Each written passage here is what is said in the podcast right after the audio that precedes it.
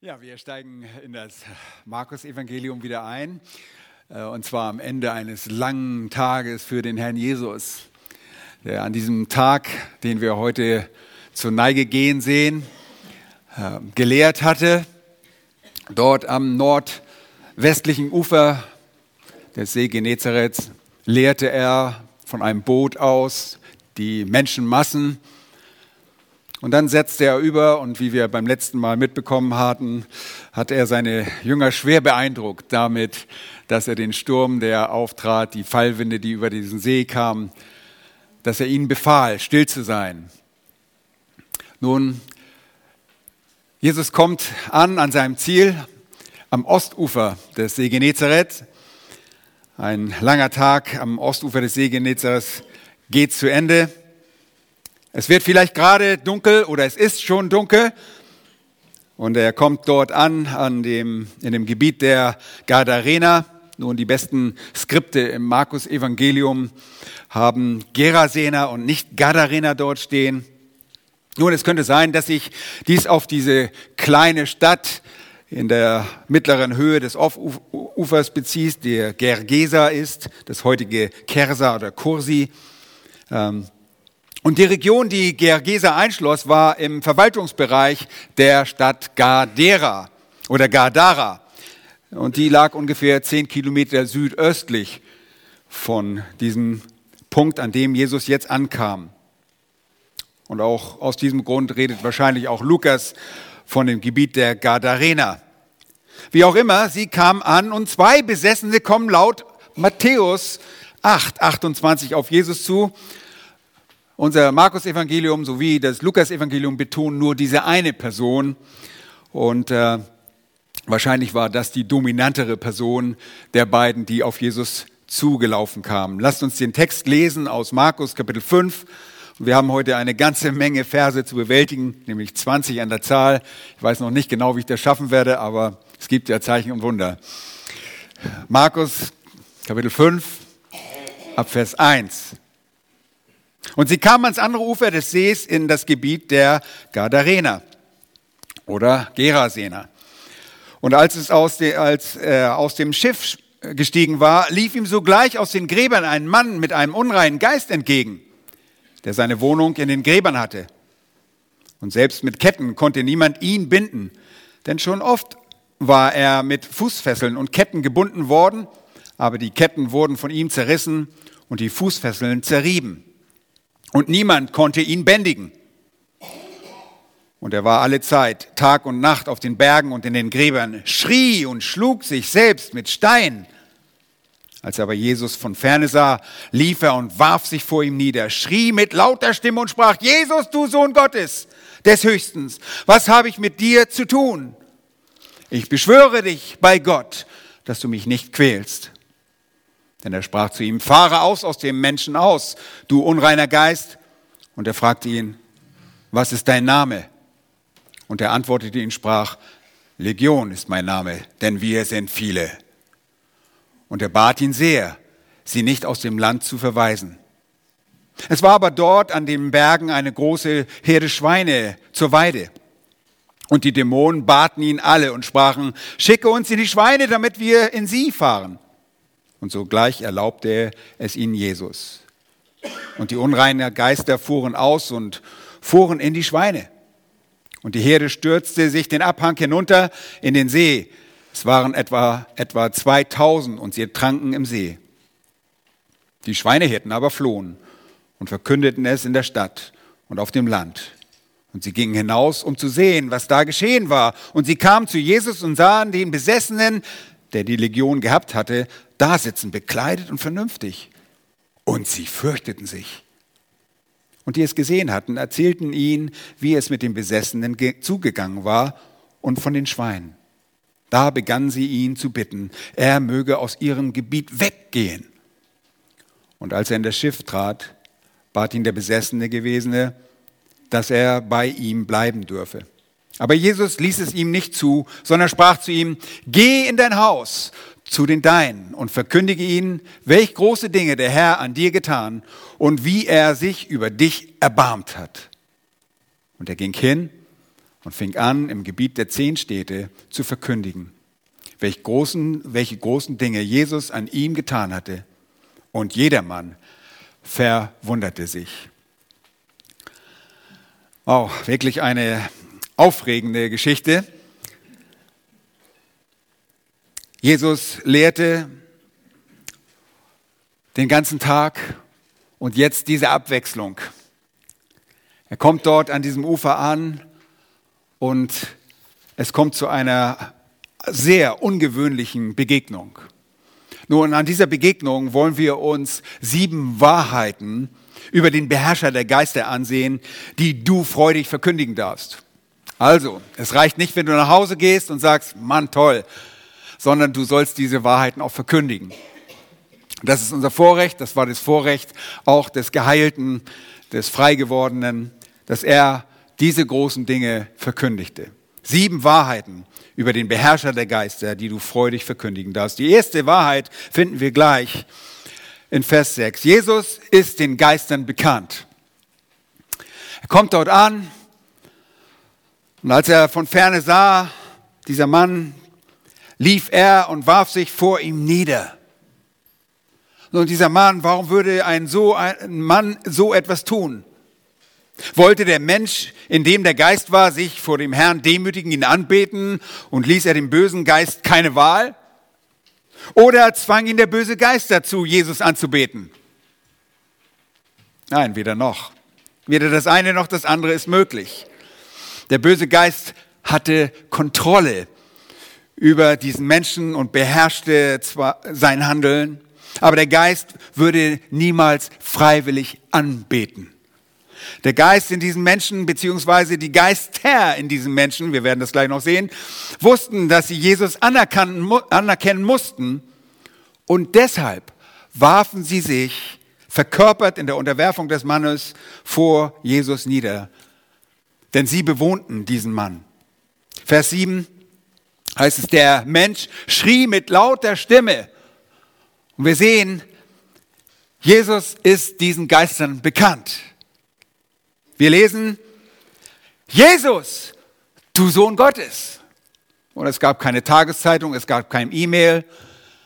Und trotzdem wusste dieser Mann, beziehungsweise diese Geister, genau wer dort war. Jesus, du Sohn Gottes des Höchsten, was habe ich mit dir zu tun?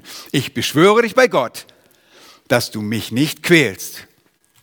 Nun, hier schrie wohl ein Mann, ein Mensch, aber die Ursache dafür lag darin, dass er seine Kontrolle verloren hatte und von Dämonen beherrscht wurde. Sie steuerten das Verhalten des Mannes durch übernatürliche Kräfte. Nicht der Mann schrie aus Verzweiflung. Es war vielmehr die Anzahl der, Mon äh, der Dämonen. Sie hatten volle Kenntnis über den, der direkt vor ihnen stand. Er war der Sohn Gottes. Erinnert ihr, was war das Anliegen, das Markus hatte mit seinem Evangelium? Er wollte uns den Sohn Gottes vorstellen, damit jeder erkenne, er ist der Sohn Gottes. Hier sind Dämonen, die genau wissen, hier ist der Sohn Gottes. Die Geister erkannten und kennen auch heute den Namen Jesus. Sie wussten und wissen, dass er der Sohn Gottes ist. Sie wussten und wissen, dass er der Sohn des Höchsten ist. Und sie wussten und wissen, dass er ihr Richter sein, Richter sein wird. Aber davon später noch mehr. Jesus ist in der Geisterwelt sehr wohl bekannt. Er, ihr Schöpfer, der sie gut geschaffen hatte und selbst Geist ist, ist in der Welt der Geister kein Unbekannte. Nun, sie sind ihre Schöpfung. Aber früh in der Geschichte rebellierten sie gegen Gott. Bereits in dem ältesten Buch, das wir in der Bibel haben, wahrscheinlich das Buch Hiob, sehen wir in Kapitel 1 und Vers 6, dass Satan und seine Engel bereits vor Jahwe erscheinen. Wer war Jahwe? Unser dreieiner Gott vor dem Sohn Gottes erscheinen. Und es geschah eines Tages, und da heißt es, die Söhne Gottes, und das ist ein Bezug auf die Dämonen, die bösen Geister, traten vor Jahwe. Unter ihnen kam auch der Satan. Nun, diese Geister wussten sehr wohl, wer dort war. Sie sahen nicht nur den Menschen Jesus, sondern sie wussten genau, wer dort war. Und er ist ihnen seit dem Tag ihrer Schöpfung nicht nur wohl bekannt, sondern wird auch nach dem erfolgten Fall der Engel von ihnen gefürchtet. Sie hatten den Platz der Herrlichkeit, den sie hatten, für immer verloren. Jesus wird aber nicht nur von den Dämonen gekannt. Das wäre nichts Besonderes. Das gibt es auch bei den Superstars unserer Zeit. Man kennt einen prominenten Präsidenten, wie heißt er noch? Donald, ich meine nicht McDonald, sondern Donald Trump. Wir kennen Popsänger heutzutage weltweit. Aber die Stars der Welt, die Prominenten unserer Zeit, kennen uns nicht. Nicht so bei Jesus. Nicht nur kennen diese Dämonen ihn, sondern zweitens, Jesus kennt die Geister. Er kennt alle Dinge. Er ist allwissend. Er kennt seine komplette Schöpfung bis ins letzte Detail. Und er ist vertraut mit dem Universum, dem Makrokosmos und er ist vertraut mit den kleinen Dingen, dem Mikrokosmos. Er kennt Fleisch und Blut und er kennt die Geister. Leben das, was wir nicht sehen, das sieht Jesus. In Vers 8 heißt es, denn er sprach zu ihm, fahre aus in dem aus dem Menschen, du unreiner Geist. Jesus wusste, dass dieser unreine Geist eine Art von Oberdämon ist. Ein in der Randfolge hochstehender Geist war.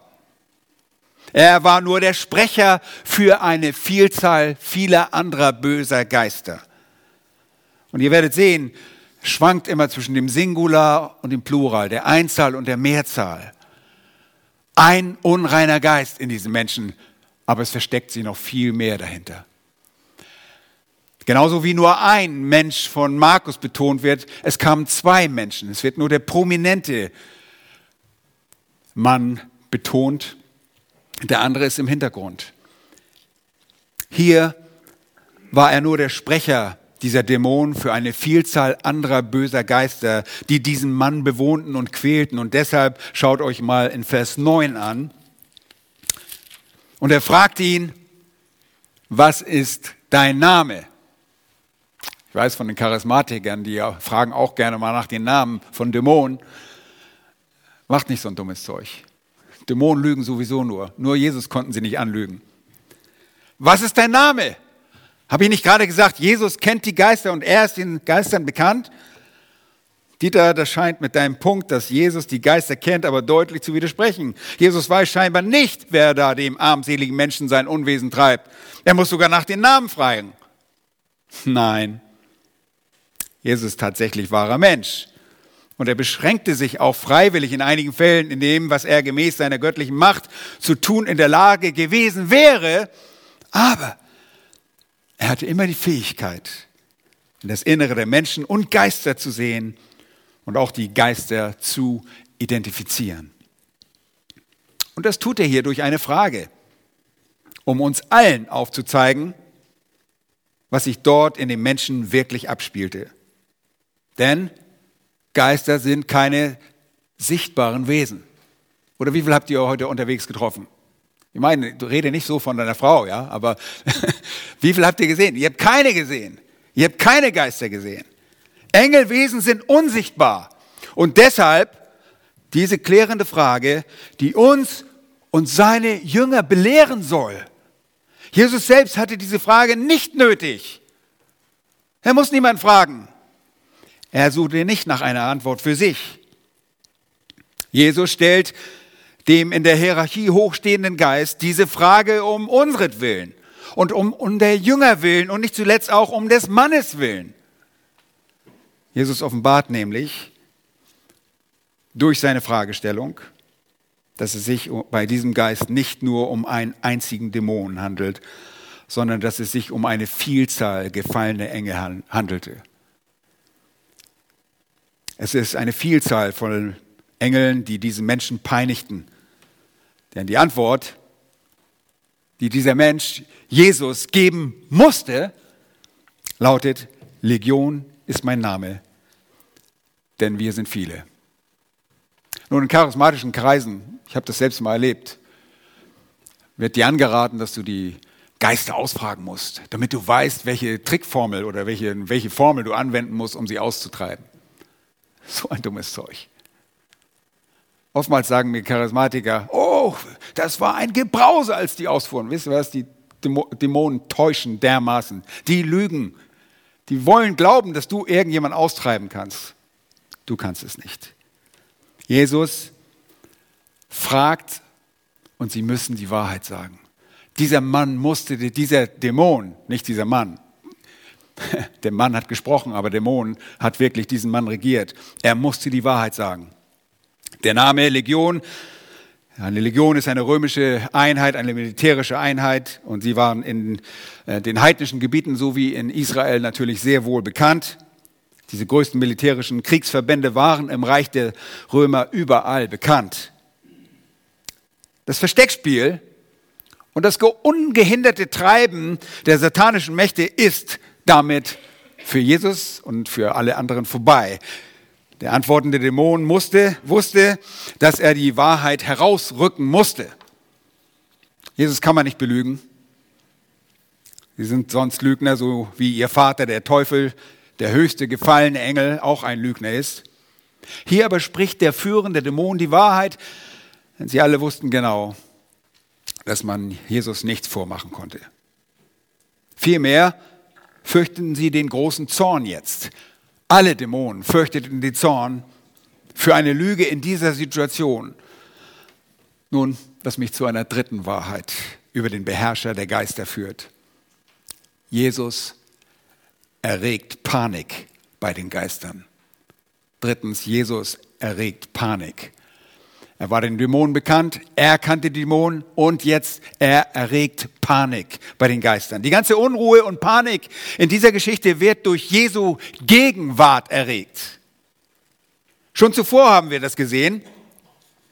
Und wir fragen uns, warum gibt es nur zu Zeiten Jesu diese häufigen Begegnungen mit den Geistern?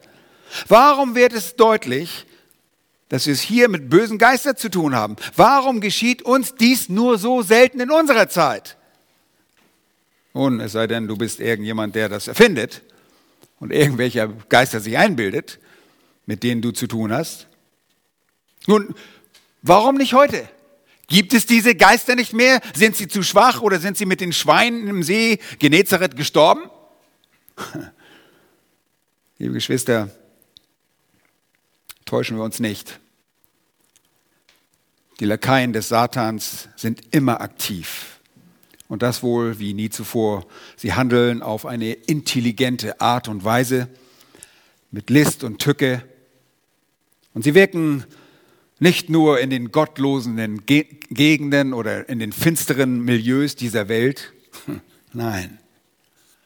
Sie treiben ihr Unwesen vor allem da, wo es die wenigsten Menschen erwarten.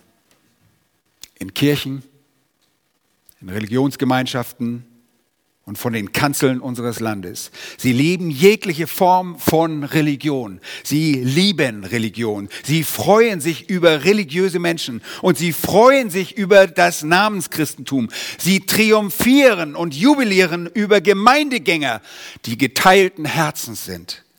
Sie lieben es, wenn du der Wahrheit sehr nahe kommst und dich daran gewöhnst, diese Wahrheit, dieser Wahrheit zu widerstehen. Da sind Dämonen.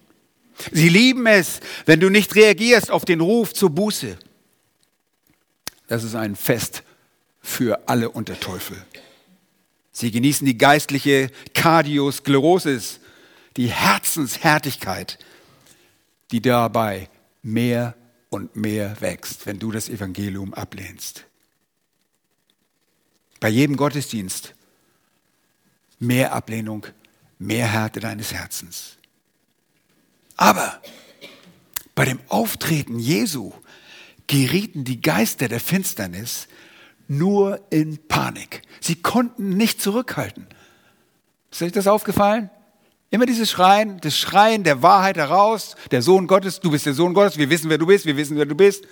Wahrscheinlich haben sie sich hinterher, wenn sie Zungen hätten, hätten sie sich auf die Zunge gebissen, aber Geister haben ja keine Zungen. Sie konnten nicht anders, nur Panik. Kein Grund zur Freude, genau das Gegenteil, absolute Panik. Und sie konnten das Zeitgeschehen offensichtlich nicht richtig einschätzen und die Ereignisse des Herrn Jesus auch an diesem Zeitpunkt nicht richtig zuordnen. In Vers 7, der Mann, der hier schrie, wurde durch die Panik seiner innewohnenden Dämonen dazu veranlasst, diese Angst einfach nur auszudrücken. Hier spricht nicht nur irgendein gewöhnlicher Mensch, hier sprechen Dämonen durch diesen Menschen. Es ist ein Schrei der Furcht. Ganz so wie es dann auch die gestellte Frage von ihnen zu, so ist sie, genauso ist die Frage zu werten. Da heißt es, Jesus, du Sohn des Höchsten, des, was habe ich mit dir zu tun? Panik, absolute Furcht. panische Furcht stellte diese Frage. Und sie wussten und wissen, dass er der von Gott bestimmte Richter ist und den Schlüssel zum Abgrund besitzt. Sie hatten und sie haben Angst vor Jesus. Die Dämonen, die vielfach auf subtile Art und Weise im Hintergrund und meist unbemerkt Menschen, beeinflussen, Sie wollen eigentlich keine Aufmerksamkeit. Sie arbeiten viel lieber bedeckt und versteckt im Hintergrund. Sie wirken mit den unterschiedlichsten Methoden, getarnt und nur dann, wenn es ihnen zum Vorteil dient, wenn sie Menschen Furcht einflößen können, dann werden sie sichtbar. Der Mensch kann das aber niemals richtig einschätzen. Wir wissen heute nicht, wie viele Menschen tatsächlich dämonenbesessen sind in den Psychiatrien unseres Landes. Wir haben keine Ahnung, wir wissen es nicht. Wir können diese Dämonen nicht erkennen. Selbst wenn jemand mit verstellter Stimme spricht, ist es noch lange kein Beweis. Der Mensch kann das niemals richtig einschätzen. Jesus konnte es. Und deshalb gerieten sie in Panik. Nun, der Mensch kann sich niemals deshalb in eine Art Frage- und Antwortspiel mit Dämonen einlassen. Ich sagte es schon. Wir sind dazu nicht in der Lage. Jesus konnte fragen und er bekam die richtige Antwort. Hier spielt die Furcht vor dem Gericht, das über sie ergehen wird, eine gewichtige Rolle. Jesus sorgt deshalb für Panik. Sie wussten nicht mehr, was passiert jetzt mit uns?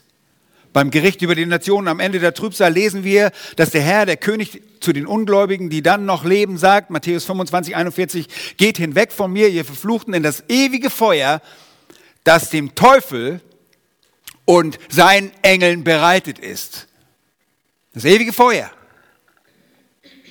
Das wird ihr Urteil sein, ihr ewiges Schicksal. Und sie glaubten, dass diese Zeit mit dem Auftreten Jesu gekommen wäre. Deshalb sorgte Jesus für Panik.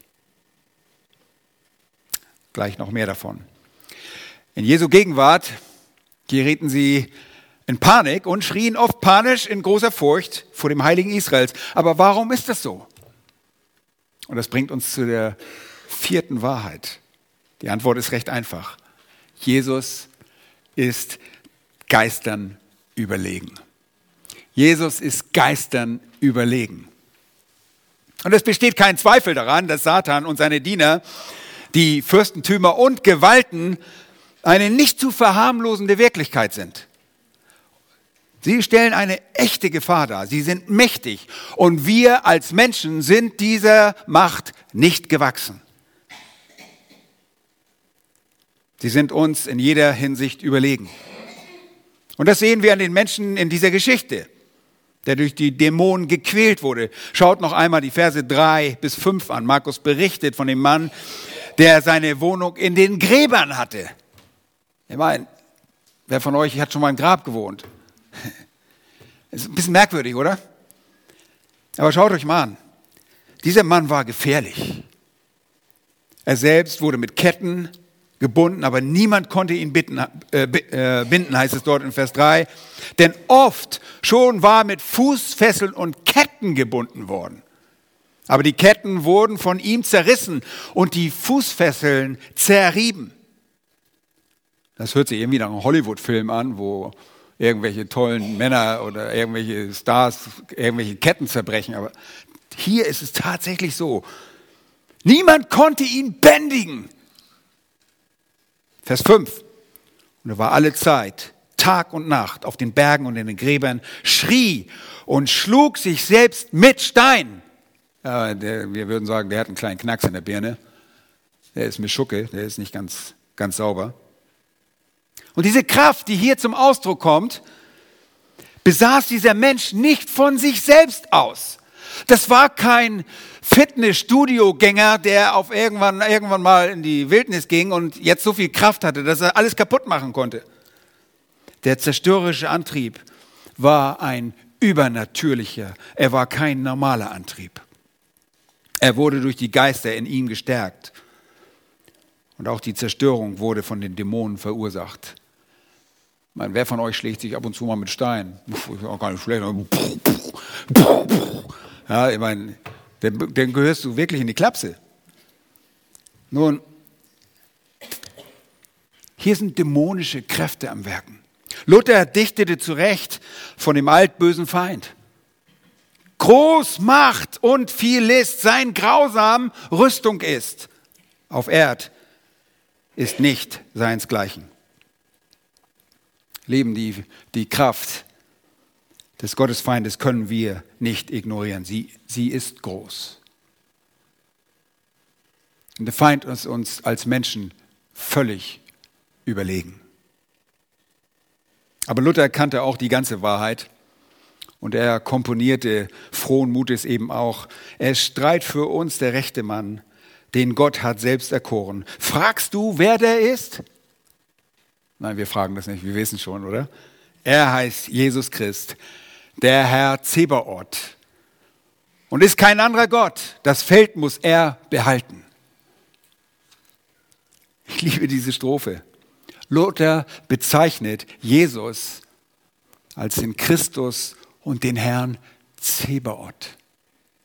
Ein Name, der im AT gebraucht wird, um die Erhabenheit Gottes aufzuzeigen.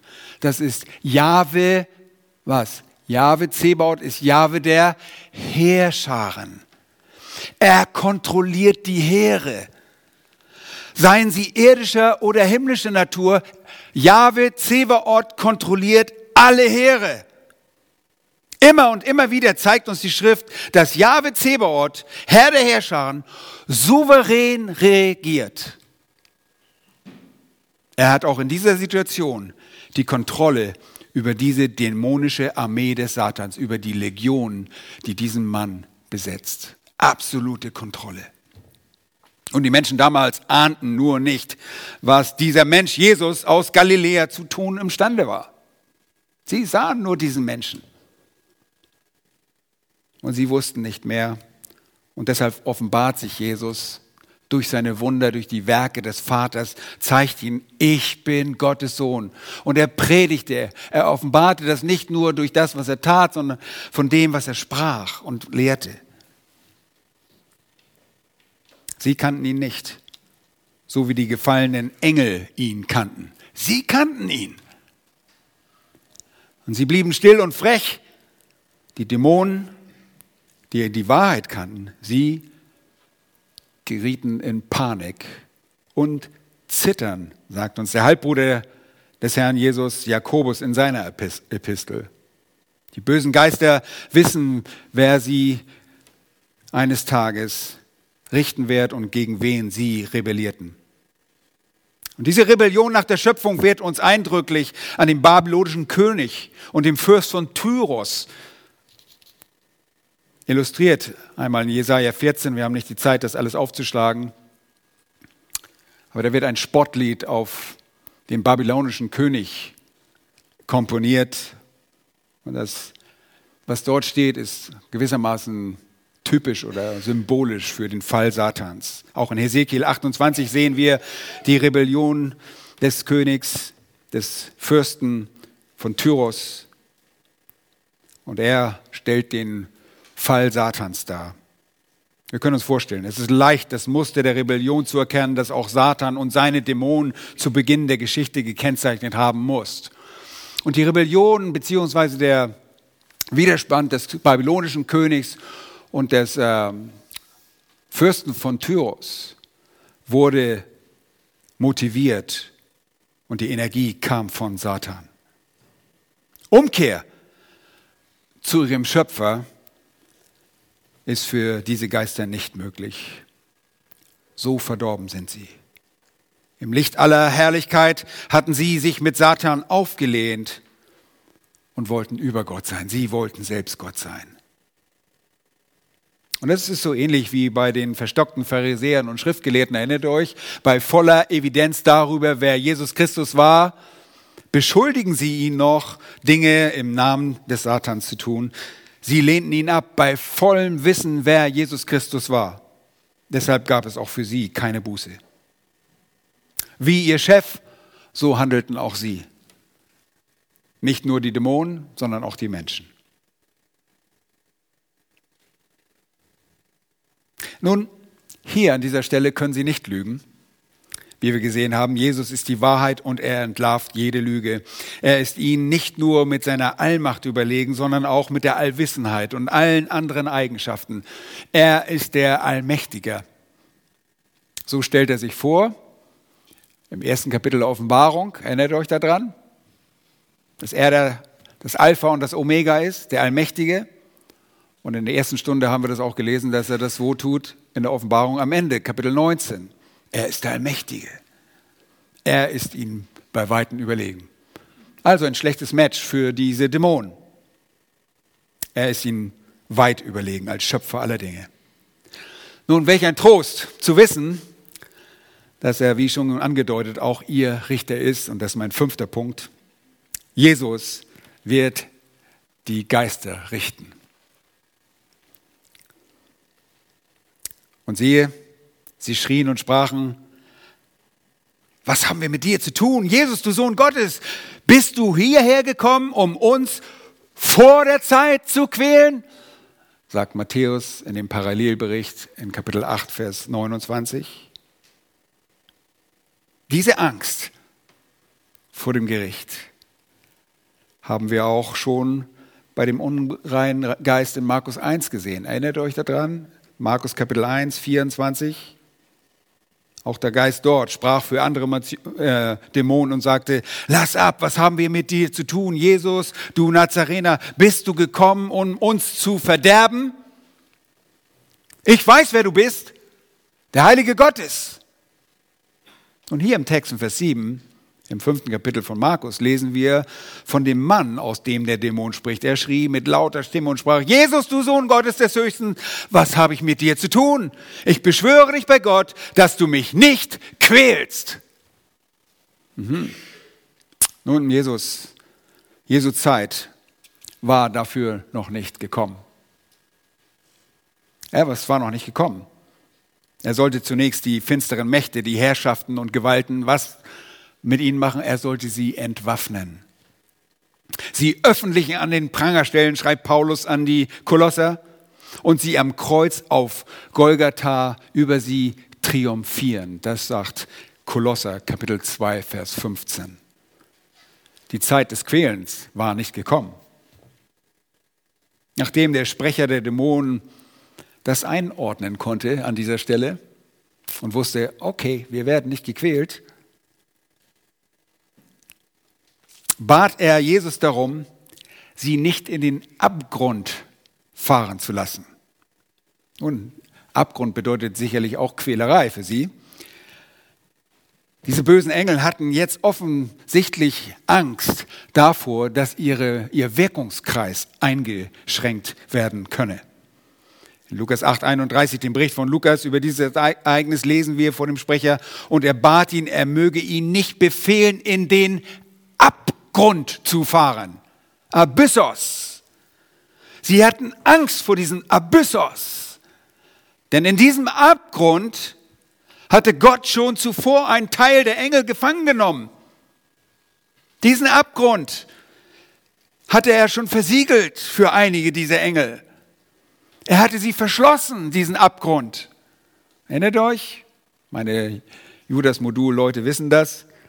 Im Judas, in der Epistel Kapitel 1, Vers 6, lesen wir, die Engel, die ihren Herrschaftsbereich nicht bewahrten, sondern ihre eigene Behausung verließen, für das Gericht des großen Tages mit ewigen Fesseln unter der Finsternis verwahrt worden. Dort waren bereits Engel gefangen und gebunden. Sie wurden wirkungslos gemacht. Und es gibt einen Schlüssel für diesen Abgrund der Finsternis. In diesem Abgrund wird auch eines Tages wer gebunden sein? Satan mit seinen Dämonen. Während des Friedensreiches nachzulesen, Offenbarung Kapitel 20. Für tausend Jahre wird er dort gebunden sein mit seinen Dienern.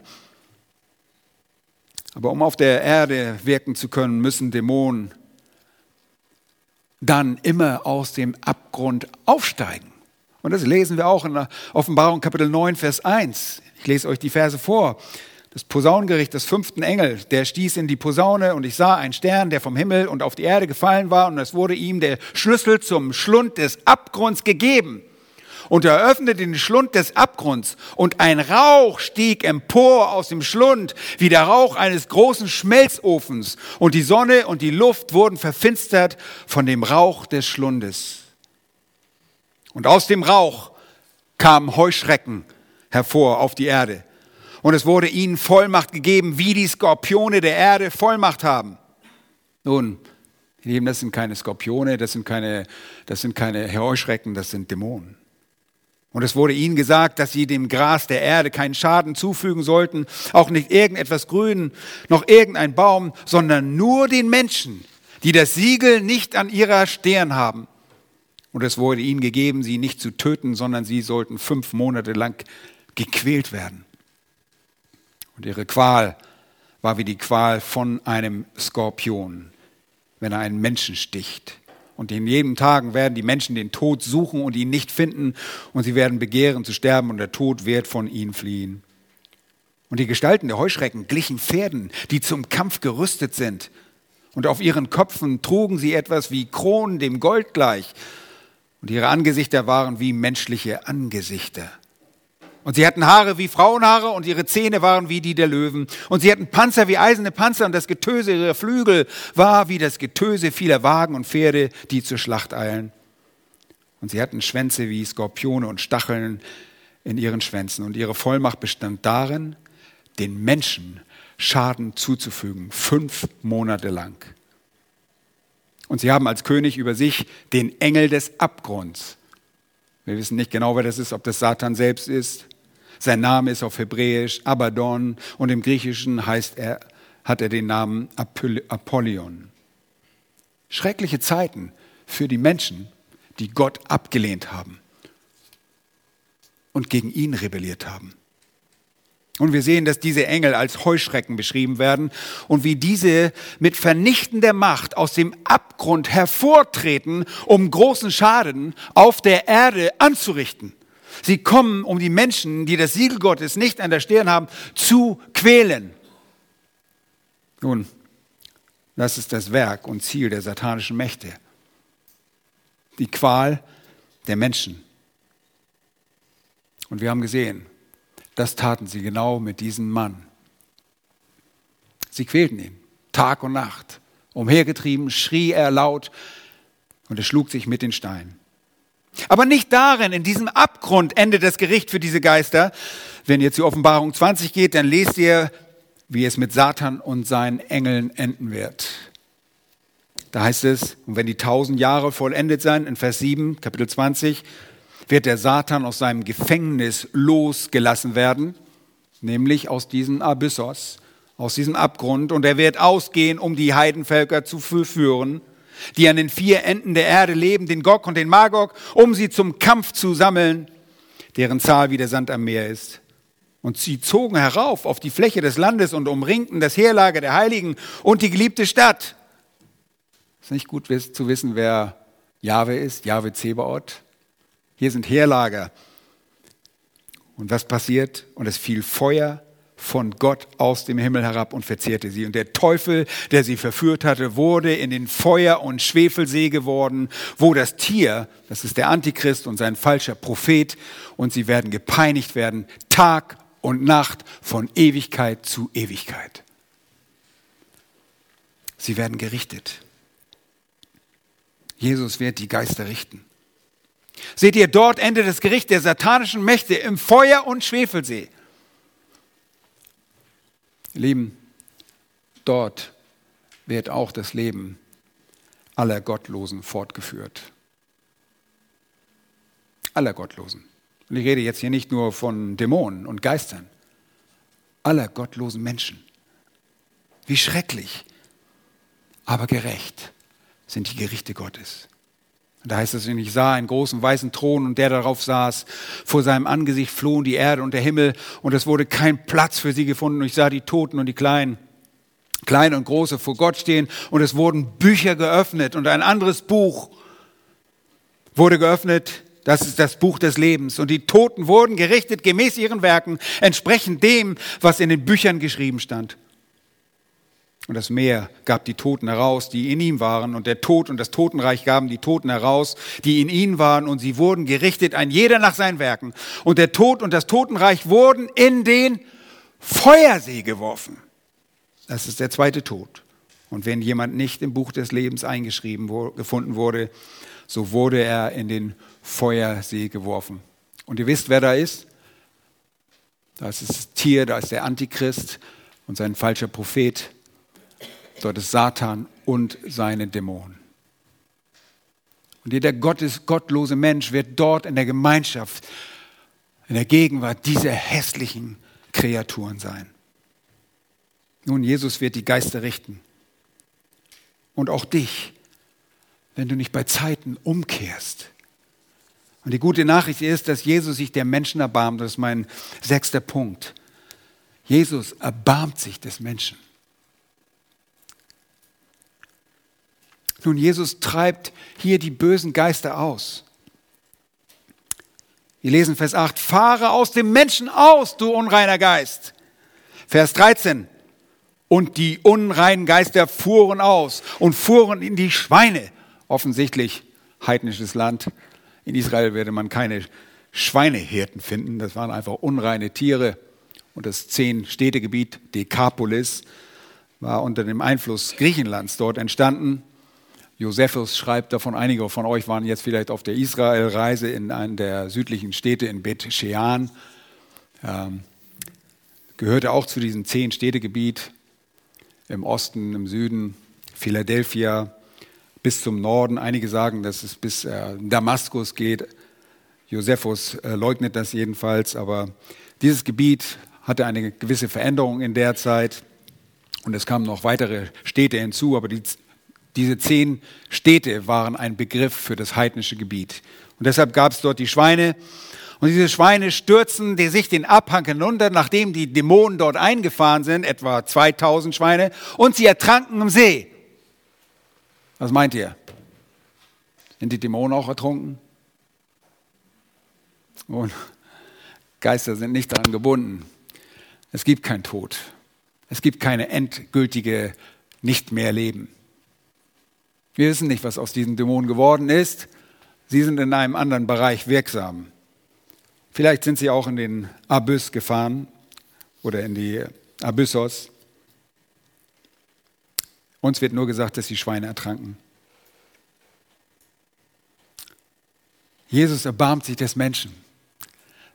Und wir sehen eine totale Veränderung. Der Geheilte will bei Jesus sein, Vers 18. Und als er in das Schiff trat und Jesus zurückfahren wollte, bat dieser ihn, bat ihn der besessen Gewesene, dass er bei ihm bleiben dürfe.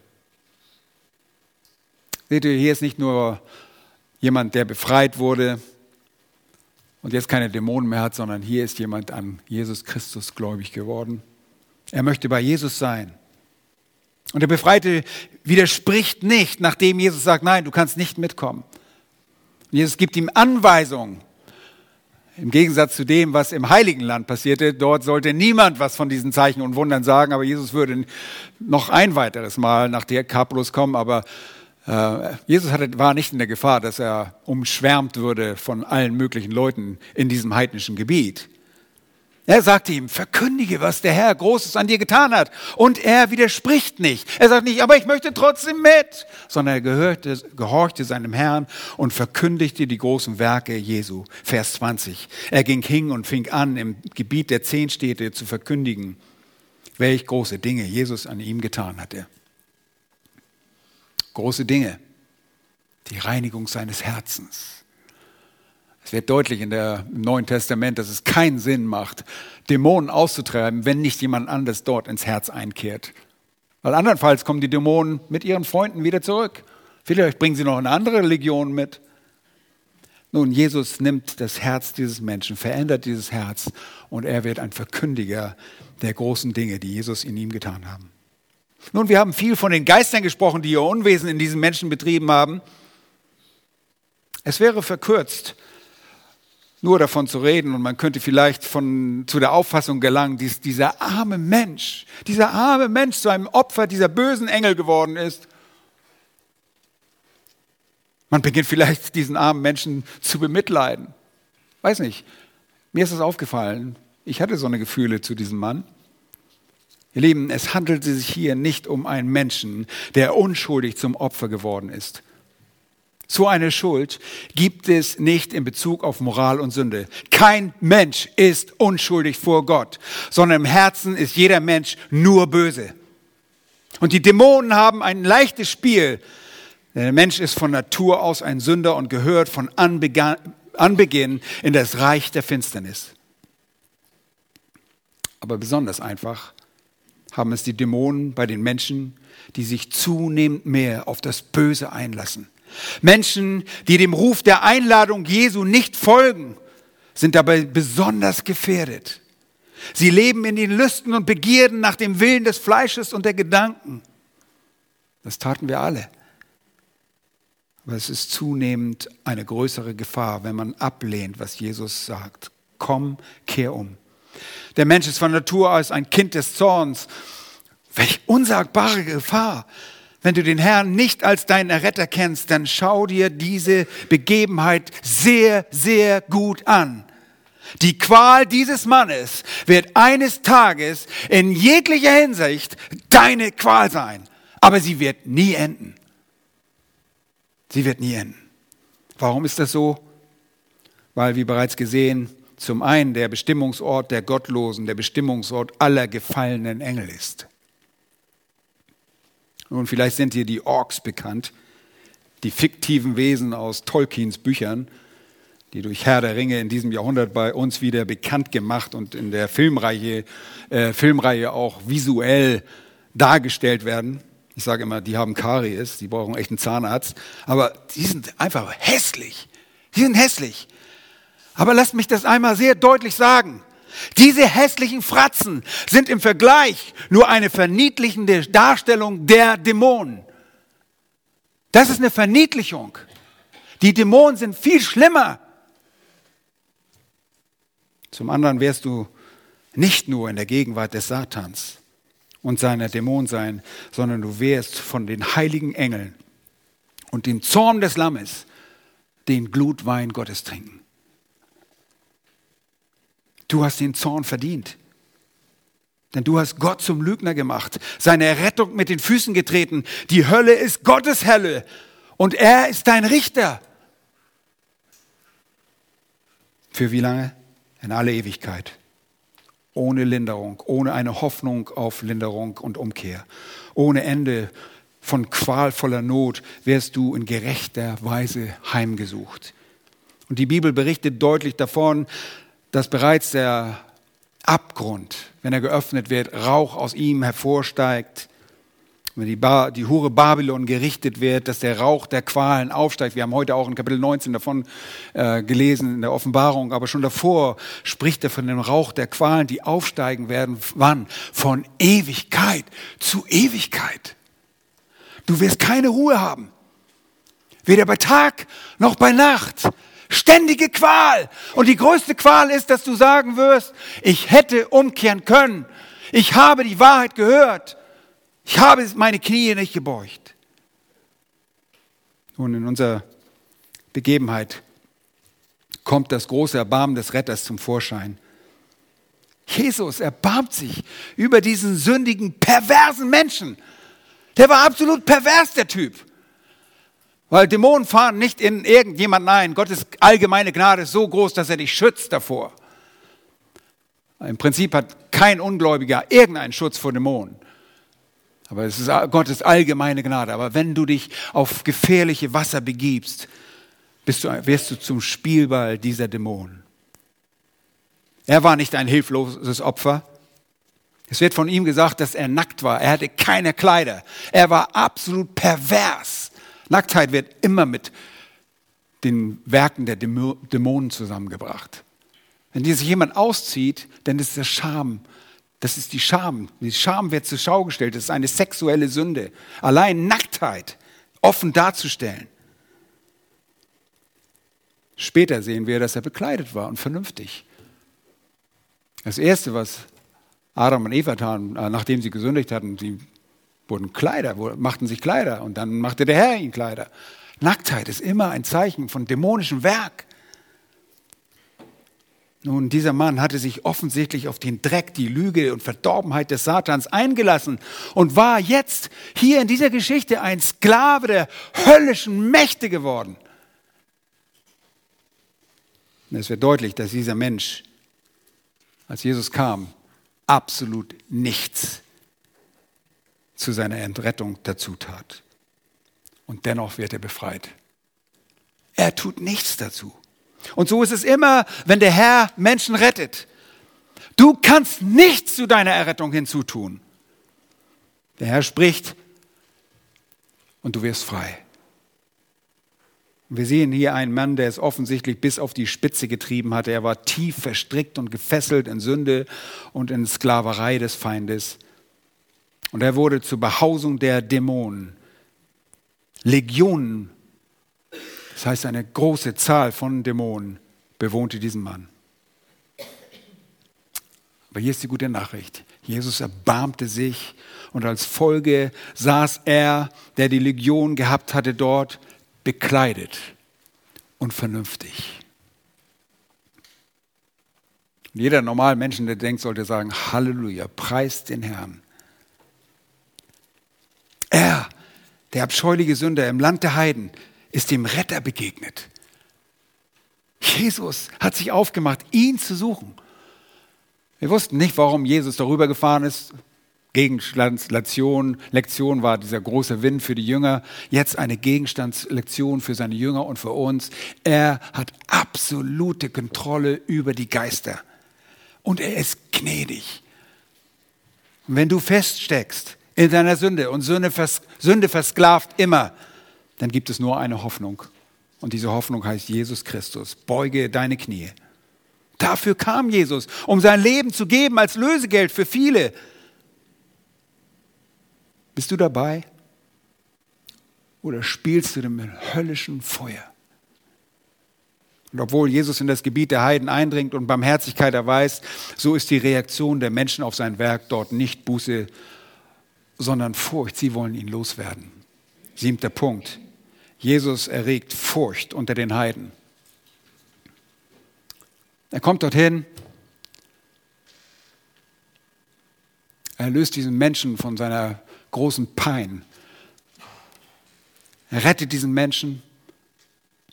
Die Schweinehirten rennen in die Stadt und sagen, boah, unsere Schweine sind da so offen und ihr müsst doch mal sehen, was da los ist. Und die ganze Stadt kommt raus. Die kommen alle, wollen das sehen. Und die sehen dort diesen Mann, wie er dort vernünftig sitzt und bekleidet und sagen, niemand konnte ihn vorher bändigen. Ja, die machten immer einen großen Bogen um diese Gräber, weil sie ja nicht verprügelt werden wollten von diesem Typ heißt es, und sie kamen zu Jesus und sahen den Besessen, der die Legion gehabt hat, da sind bekleidet, vernünftig, und sie fürchteten sich, heißt es dort. In Vers 15. Auch Lukas schreibt davon in Lukas 8, Vers 35, da gingen sie hinaus, um zu sehen, was geschehen war, und kamen zu Jesus und fanden den Menschen, von dem die Dämonen ausgefahren waren, bekleidet und vernünftig zu den Füßen Jesu sitzen. Und sie fürchteten sich. Hier kommt eine andere Furcht zum Spiel. Wir haben bei den Jüngern erst die Feigheit gesehen, die sich in wahre Gottesfurcht nach der Sturmstillung verwandelte. Hier ist es eine Furcht davor, vor diesem Beherrscher der Geister. Und sie wollen ihn nicht haben. Vielleicht hatten sie Angst, dass er noch mehr finanziellen Schaden anrichten würde. 2000 Schweine. Ja, wenn wir an das Grillen denken, wie viel, das, wie viele Grillpartys wir feiern können, das war ihr Verlust. Sie wollten diesen nicht. Sie dachten, er wäre irgendein Zauberer. Da bat ihn die ganze Volksmenge aus der umliegenden Gegend der Gadarener, von ihnen wegzugehen. Denn es hatte sie eine große Furcht ergriffen. Statt zu sagen, boah, das ist die Lösung für uns. Wir brauchen eine Lösung. Wir müssen Buße tun. Treiben sie Jesus weg. Nicht nur das Volk Israel war verstockt, sondern auch die Heiden. Wir wissen nicht, ob dies ein Jude war, der vielleicht nur im heidnischen, heidnischen Land lebte, durchaus möglich. Dann war das noch so, umso schlimmer, weil er in den Gräbern lebte. Aber statt dich vor Jesu in großer Furcht aufgrund deiner Sünde zu fürchten, solltest du zu ihm kommen und du solltest ihm deine Sünde bekennen. Die Furcht vor Jesus ist nur gerechtfertigt, wenn du kein Verhältnis zu ihm hast. Ohne die rettende Beziehung solltest du seinen Zorn wirklich fürchten. Du solltest keine ruhige Minute haben. Und ich bete dafür, dass du keine ruhige Minute hast, bis du deine Knie vor ihm beugst. Auch die Dämonen glauben und wissen, dass Gott da ist. Sie haben bessere Theologie als manch einer von uns. Sie wissen, dass Gott da ist und sie zittern. Sie können keine Buße tun, sie erwarten nur das Gericht. Du kannst auf das Wort Gottes reagieren. Kehr um. Nun, Jesus ist der Herrscher, der Beherrscher der Geister. Was machen wir mit diesen Wahrheiten? Nun, tun wir es diesem Manne gleich. Gehen wir und erzählen den Menschen davon. Wir haben gerade ein paar Verse vorher gelesen davon dazu, dass das Wort Gottes uns nicht dazu gegeben ist, unter den Scheffel zu stellen oder ein Bett zu stellen, sondern das Licht ist uns gegeben. Und das sind Wahrheiten, die wir weitergeben müssen. Das dürfen wir weitergeben. Das ist unser Vorrecht. Wir kennen den Beherrscher dieser Geister.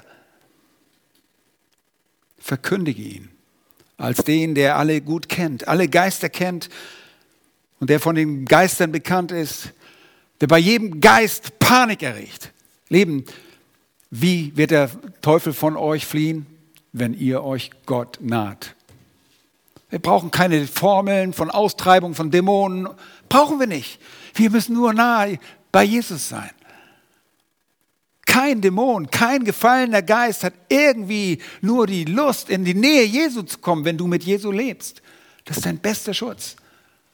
Wir müssen niemanden austreiben. Wenn du gläubig wirst, dann will Satan nicht in dir wohnen und kann nicht in dir wohnen. Nun, wir müssen auf der Hut sein, dass wir nicht verführt werden. Es gibt noch genug Lügen, die die Dämonen in diese Welt setzen. Aber er kann dich nicht bewohnen. Jesus ist den Geistern überlegen. Er wird diese Geister richten. Und das solltest du wissen. Jesus erbarmt sich über den dreckigsten Sünder. Egal wie tief du gefallen sein magst, wie sehr du dich auf ihn eingelassen hast, auf den Satan und seine Dämonen, er kann dich retten. Beuge deine Knie und tu es heute.